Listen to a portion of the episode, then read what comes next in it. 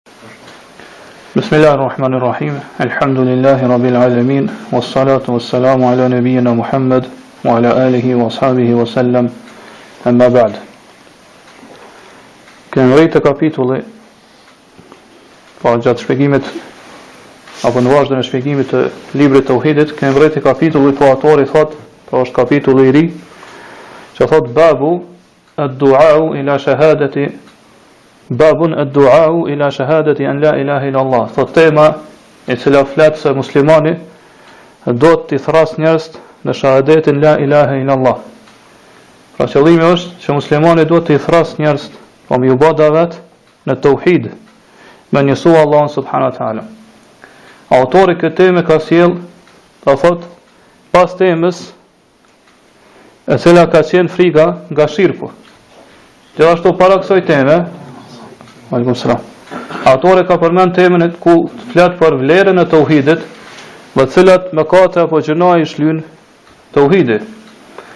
Po ashtu ka përmend temën e cila thot se ai i cili realizon tauhidin do të hyjë në llogari, do të hyjë në xhenet pa dhënë llogaritë edhe pa u ndëshkuar te Allahu subhanahu teala.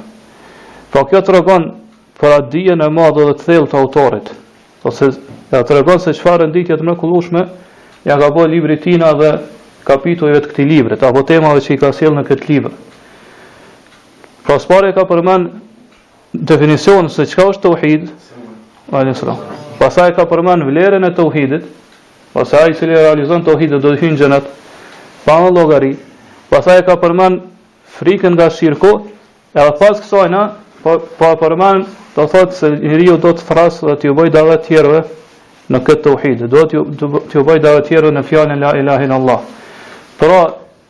Kur të gjitha këto gjëra e që janë shenjat e realitetit tauhidit, pra këto kapituj që i ka përmend më herët autori, janë shenja që tregon se dikosh e ka realizu tauhidin, pra nëse dikosh ka arrit mi kuptu ato, edhe mi realizu në vetën e tina, atër në zemrën e tina është arrit realizimi i tauhidit edhe ka arrit do thot faktikisht me realizu atë tauhid me cilën e ka obliguar Allahu subhanahu wa taala.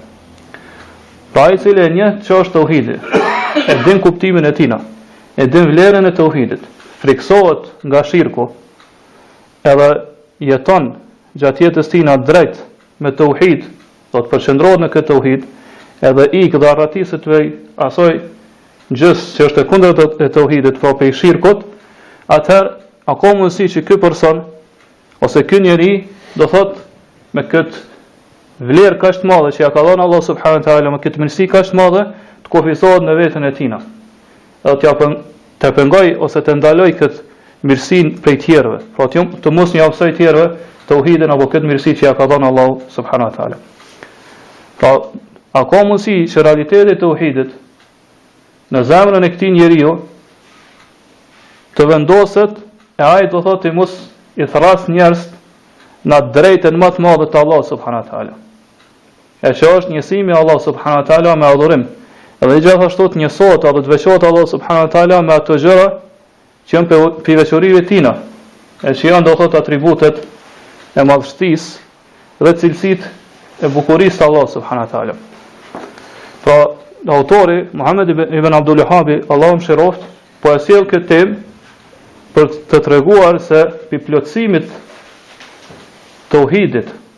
Edhe gjithashtu prej plotësimit të frikës ndaj shirkut është që muslimani m'i thirr tjerët në këtë tauhid. Pra nuk ka mundësi që tauhidi të plotësohet në zemrën e muslimanit derisa ai t'i thrasë tjerët edhe t'ju bëjë davet tjerëve në këtë tauhid. Ky është realiteti i vetë shahadetit La ilahe illallah. Për arsye se mi thirr njerëz në shahadetin la ilahe illa Allah, do thotë është që ti ky shahadet të kuptohet edhe të dëgjohet prej tjerëve. Pra çka do thotë shahadet? Shahade në arabisht do thotë që ti do thotë me besu atë fjalë, pra me besu fjalën la ilahe illallah, pastaj me shqiptu këtë fjalë edhe me njoftu të tjerët për kuptimin e domethënien e kësaj fjale. Kjo është kupt, kjo është, do thot, me thonë njeriu shahadetin la ilahe illallah. Kjo është vetë fjala shahadet. Pra, pa tjetër që njeriu, nëse dëshiron me realizu shahadetin, edhe me plotësu tauhidin dhe shahadetin është që ai i cili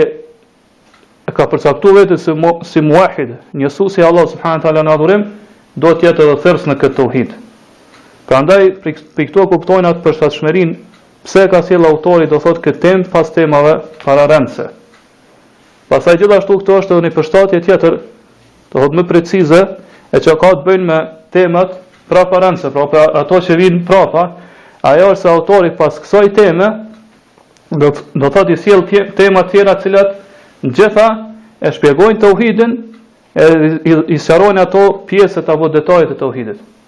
Po ashtu ato janë tema të cilat e shpjegojnë shirkun, pra çka është shirk, edhe i sqarojnë detajet e shirkut. Për këtë arsye daveti në fjalën ose në shahadetin la ilaha illallah është që me thirr në tauhid, edhe me thirr apo ju bë davet tjerëve, në detajet dhe pjesët më më të vogla dhe më të holla të tij tauhidi. Pra nëse kërkuesi i dijes, pra ai i cili e kërkon dijen fetare, ai i cili i thot vetes që do të thotë është drejtu në rrugën e Allahut subhanahu wa taala, pasi që t'i kuptojë temat paraprake që i ka sjellë autori, pra t'i kuptojë në mënyrën më të mirë, pra ta kuptojë tauhidin, vlerën e tij, edhe si realizohet tauhidi, edhe t'i kuptojë edhe t'i njohë Ato gjëra që e kundërshtojnë tauhidin që është shirku i madh, apo gjëra që e mangësojnë tauhidin, e që është shirku i vogël, bidatet, mëkatet, edhe këto gjunahe tjera, atëherë këtu themi që ky njeri është bërë u bë gati që me i thirr tjerët në këtë tauhid. Pra është përgatit e u bë gati, është i gatshëm që tjerët me i thirr në këtë tauhid. Prandaj njeriut nuk i lejohet që nëse arrin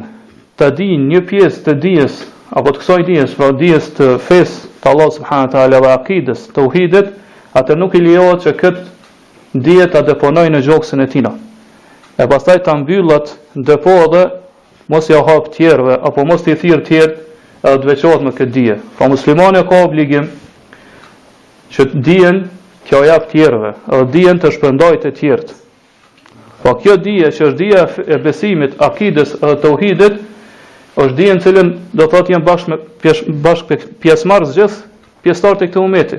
Do thotë nuk veçohesh vetëm ti me këtë dije. Allah subhanahu taala ka bë obligim që kjo të jetë e shpërndarë në në të gjithë pjesëtarët e këtij ummeti. Prandaj ai i cili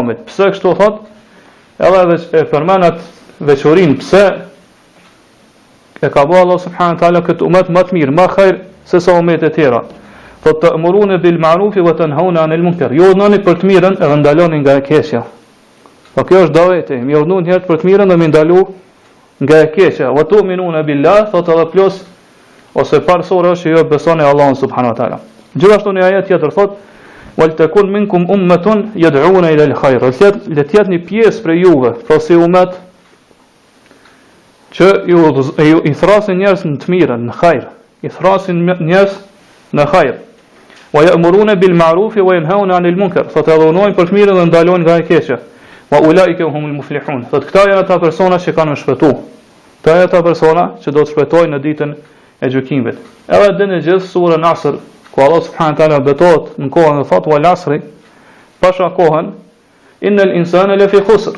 Thot vërtet njeriu është në humbje të madhe. Po njeriu si njeri, si qenie është në humbje të madhe. Illa alladhina amanu, përveç atyre që kanë besu. Wa amilu salihati dhe kanë bë vepra të mira. Wa tawasau bil haqqi. Edhe kanë këshillu njëri tjetrin në të vërtetën. Wa tawasau bis sabri Edhe kanë këshilluar njëri tjetrin, do thotë në sabër. E kanë këshilluar njëri tjetrin që me duru në këtë të vërtetë. Pra kjo është thirrja, kjo është daveti. Që me thirrë ne njëri tjetrin në dijet që e dim. Pra me ia tregu gjërat me të cilat është i kënaqur Allah subhanahu wa taala, me, edhe gjërat me të cilat Allah subhanahu wa taala zemërohet apo hidhërohet nëse ne i veprojmë ato. Kështu që pra nuk i lejohet muslimanit që nëse e din një pjesë të dijes, me hesht ndaj saj. Pra nëse i sheh që njerëzit kanë nevojë për atë dije, nuk i lejohet që muslimani me hesht, edhe mos me e fol atë dije. Kjo në përgjithësi, edhe në veçanti do thotë nuk i lejohet me hesht edhe mos me e shpërnda dijen që ka të bëjë rreth akides edhe tauhidit. Po muslimani nuk e ka të lejuar me e bë këtë. Nëse ai e vepron këtë, atëherë e ka lënë, do thotë edhe ka braktis një, një obligim shumë madhor, të cilin ja ka obliguar Allahu subhanahu wa taala. Bile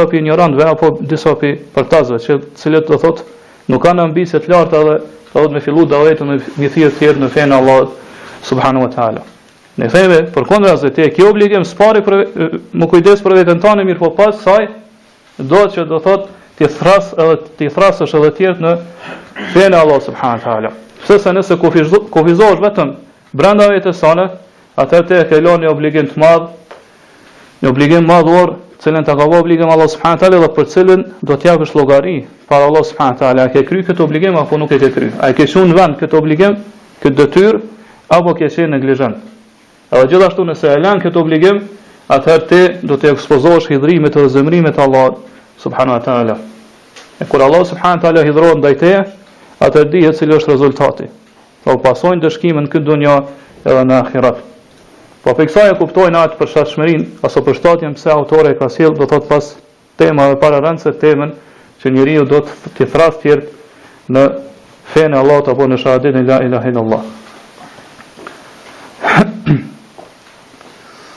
Sot e shohim që shumë prej njerëzve, të cilët i atribuohen dijes, që i thonë vetes se janë kërkues dijes, apo i thonë vetes se janë edhe dijetarë, do thotë heshtin ndaj akideve dhe besimeve të prishura dhe të kota të njerëzve. Heshtin kur do thotë Xhamia ndërtohen përmi varre dhe njerëzit i adhurojnë ato varre. Edhe nuk e thrasin tjerë në tauhid dhe nuk i paralajmërojnë prej këtij shirku. Edhe thonë që ne do thotë po kufizohemi dhe po na mjafton, do thotë po i kushtojmë rëndësi vetëm vetes tonë. Do thotë këtu themi që ata kanë lënë pas dore edhe kanë humbë një obligim të madh, të cilin ua ka obliguar Allahu subhanahu wa taala. Sikur kërkues të dijes, hoxhallarët, edhe dijetarët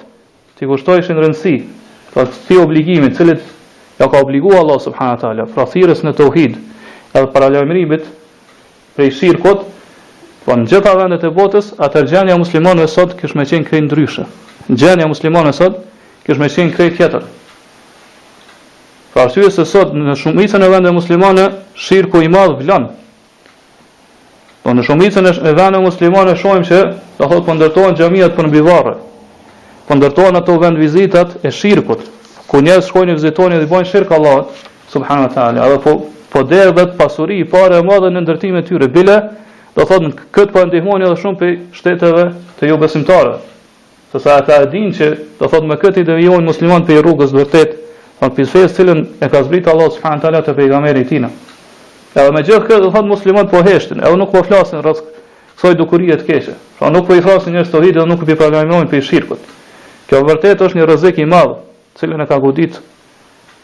umetin, do thotë një e keqe e madhe e cila e ka godit umetin. Pra të gjitha këto luftra, këto fatkeqësi, poshtrime, nënçmime, do thotë kjo uri e madhe që i ka godit disa, ose shumë prej vende muslimane, rezultat i saj është kjo. Do thotë braktisja dhe heshtja ndaj shirkut, Por kur muslimanët e braktisin thirrjen në tauhidin e Allahut subhanahu wa taala edhe nuk i paralajmërojnë tjerët prej shirkut, atëherë vijnë ndëshkimet edhe do thotë sprovat prej Allahut subhanahu wa taala. Pra, kjo është prej çështjeve më të rëndësishme. Për arsye se shumë prej atyre siç thamë më parë që i atribuohen dijes prej vendeve muslimane, e pranojnë thirrjen në tauhid mirëpo në mënyrë të përgjithshme. Pra ata thrasin në tauhid në mënyrë të përgjithshme. E kur vjen puna që me i përmend ato detajet e tauhidit, e me i përmend detajet edhe pjesët më, më të vogla dhe më të holla të, të shirkut, të madh apo të vogël, ata, ato, këtu, ata ndalen këtu. E thonë, jo, na nuk thrasim në këto gjëra, pse? Sepse pastaj bojmë përçamje mes umetit. Do thotë pastaj njerëzit po na po na armiqsojnë apo po, po largohen prej neve. Po këtu dallon ai davet dhe thirrja e këtij Sheikh Muhammed ibn Abdul Wahhabit, Allahu e mëshiroft prej krejt të tjerëve.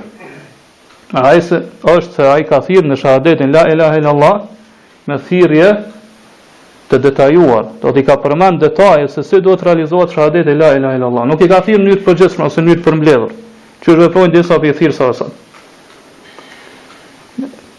Po ata për me i mashtru të tjerët thonë ose kur ti thu, kur t'i akuzojsh ti pse nuk po pse nuk po folni për tauhidin, edhe pse nuk po paralajmëroni ndaj shirkut thonë jo, ne i kushtojmë rëndësi tauhidit. Edhe gjithashtu tregojmë rrezikun e shirkut, mirëpo, Kur e shikon tauhid, davetin e tyre, thirrjen e tyre në këtë tauhid, është do thotë thirrje vetëm në mënyrë të përmbledhur, të përgjithshme. Nuk i përmendin detajet se si do të realizohet tauhidi. Gjithashtu nuk i përmendin ato pjesë të vogla dhe detajet e shirkut për cilave do të largohet njeriu. Për këtë arsye, ky Imam Ibn Muhammed ibn Abdul Wahhab, Allahu e mëshiroft në disa prej librave të tij që i ka shkruar, e ka përmend këtë çështje.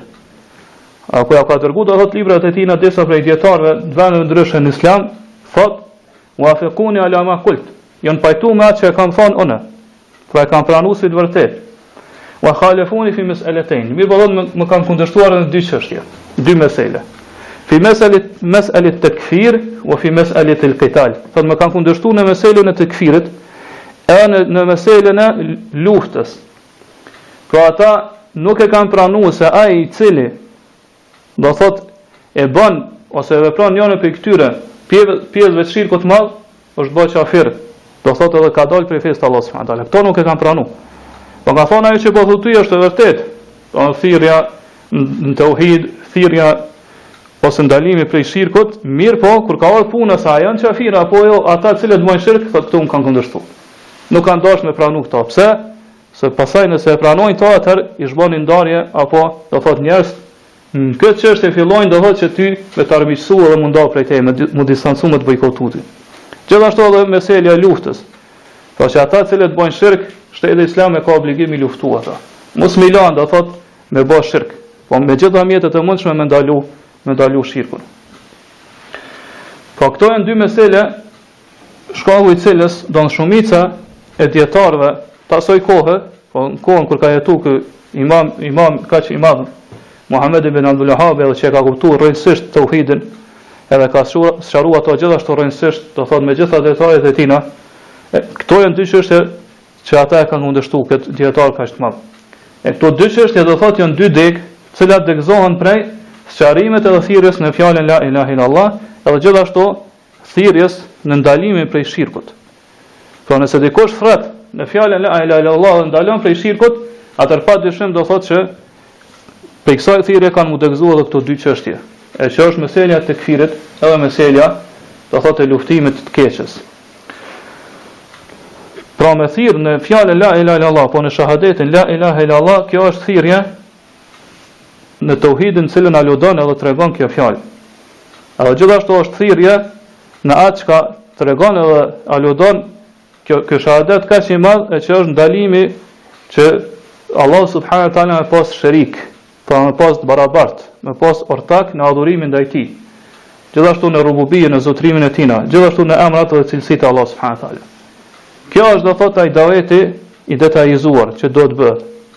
Pra në gjitha këto lloje të tauhidit, tauhid rububie, tauhid uluhie dhe tauhidin e emrave dhe cilësive të Allahut subhanahu teala.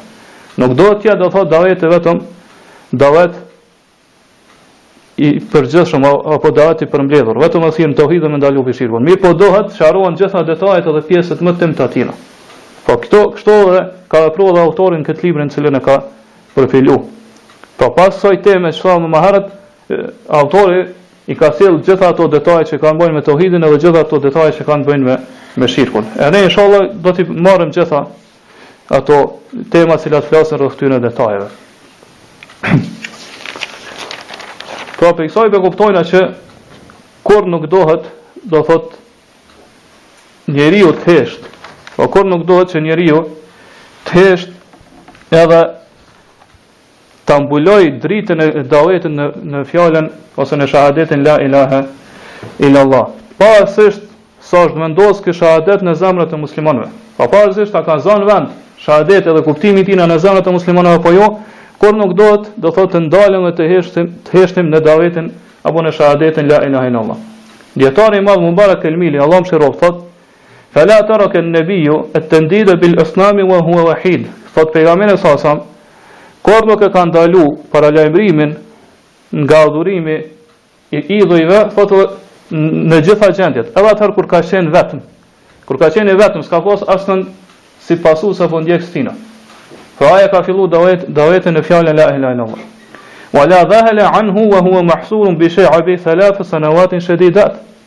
Gjithashtu thotë nuk e ka lënë davetin në fjalën la ilaha illa Allah, nuk e ka braktis ato, nuk ka hesht ndaj kësaj thirrje, edhe kur ka qenë do thotë i rrethuar në ato luginat e Mekës, ato 3 vjet e ashpra që kanë qenë për musliman, pra që kanë bojkotuar gjithë banorët e asaj kohe, banorët e Mekës. Pra gjithë e dini se çfarë nëpër çfarë vështirësi kanë kaluar muslimanët. Megjithëkëtë thotë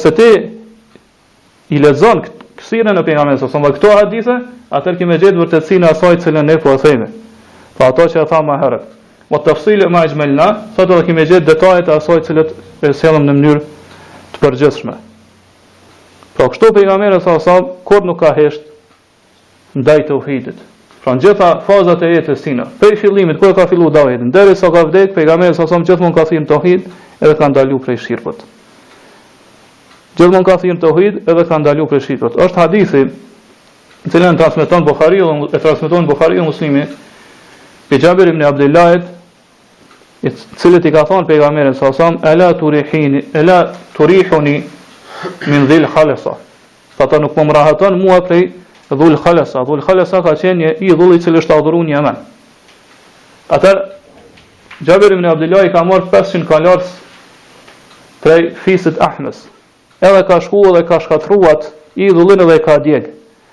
Edhe kur është kthy te pejgamberi s.a.s. e kanë përgëzu për kët, edhe i kanë thonë që e kina lanë atë idhullin sikur një deve zgjebosur. Domethënë pra, qëllimi është se arabët kur ka kur i ka rënë zgjeba deveve i kanë ly me katran, mënyrë që m'i kalu do thot zgjeba. Atëherë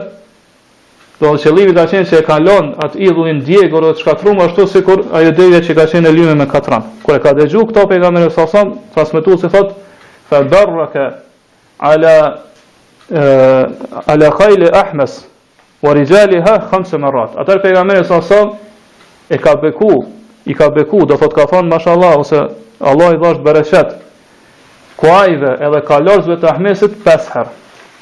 Ibn Haxheri kur e komenton këtë hadith thot Wal maqsud bi rahati huna rahatul qalb.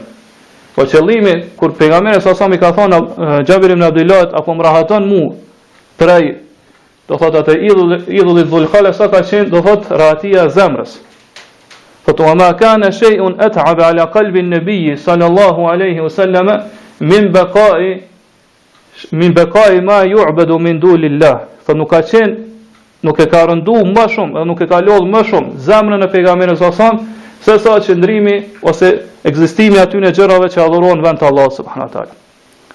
Gjithashtu thot pe pe traditës pejgamberit s.a.s. ka qenë që kur do thot kur është ëë thellu thell në dua ose në lutje ndaj Allahut subhanahu teala ka përsërit 3 herë lutjen.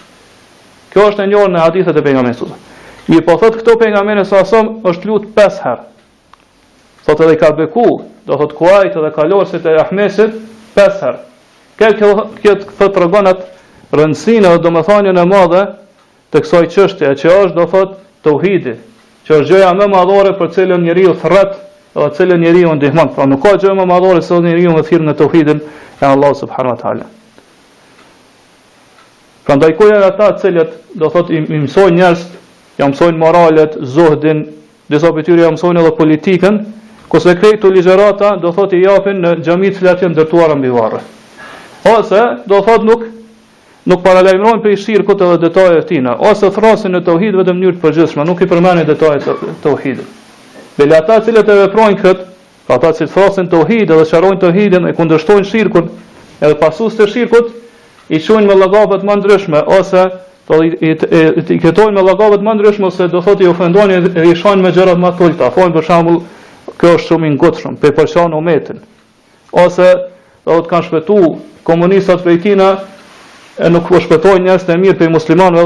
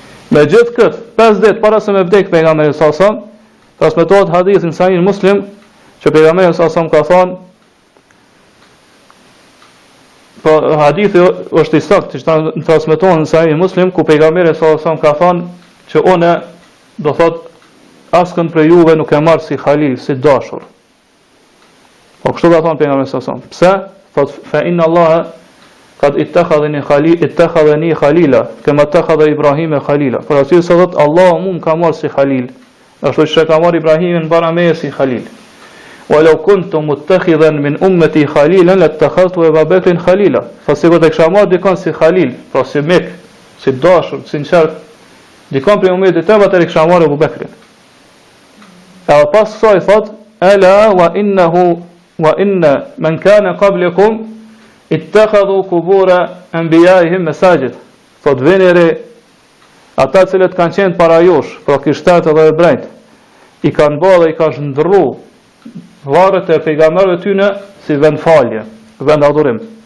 Ela fela tettekhidhu el kubura mesaxhid. Prandaj thot veni re edhe mos i shndërroni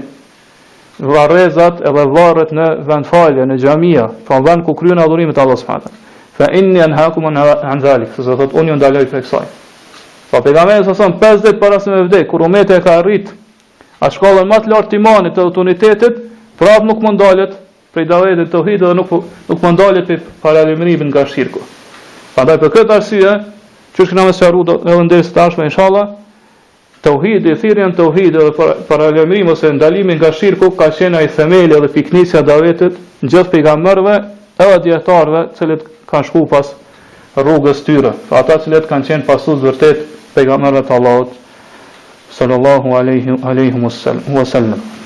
E pastaj autori pas asajna i sjell argumentet, pra sjell një ajet edhe dy hadithe me të cilat argumenton për këtë temë që e ka sjell, pra që muslimani duhet t'i thrrasë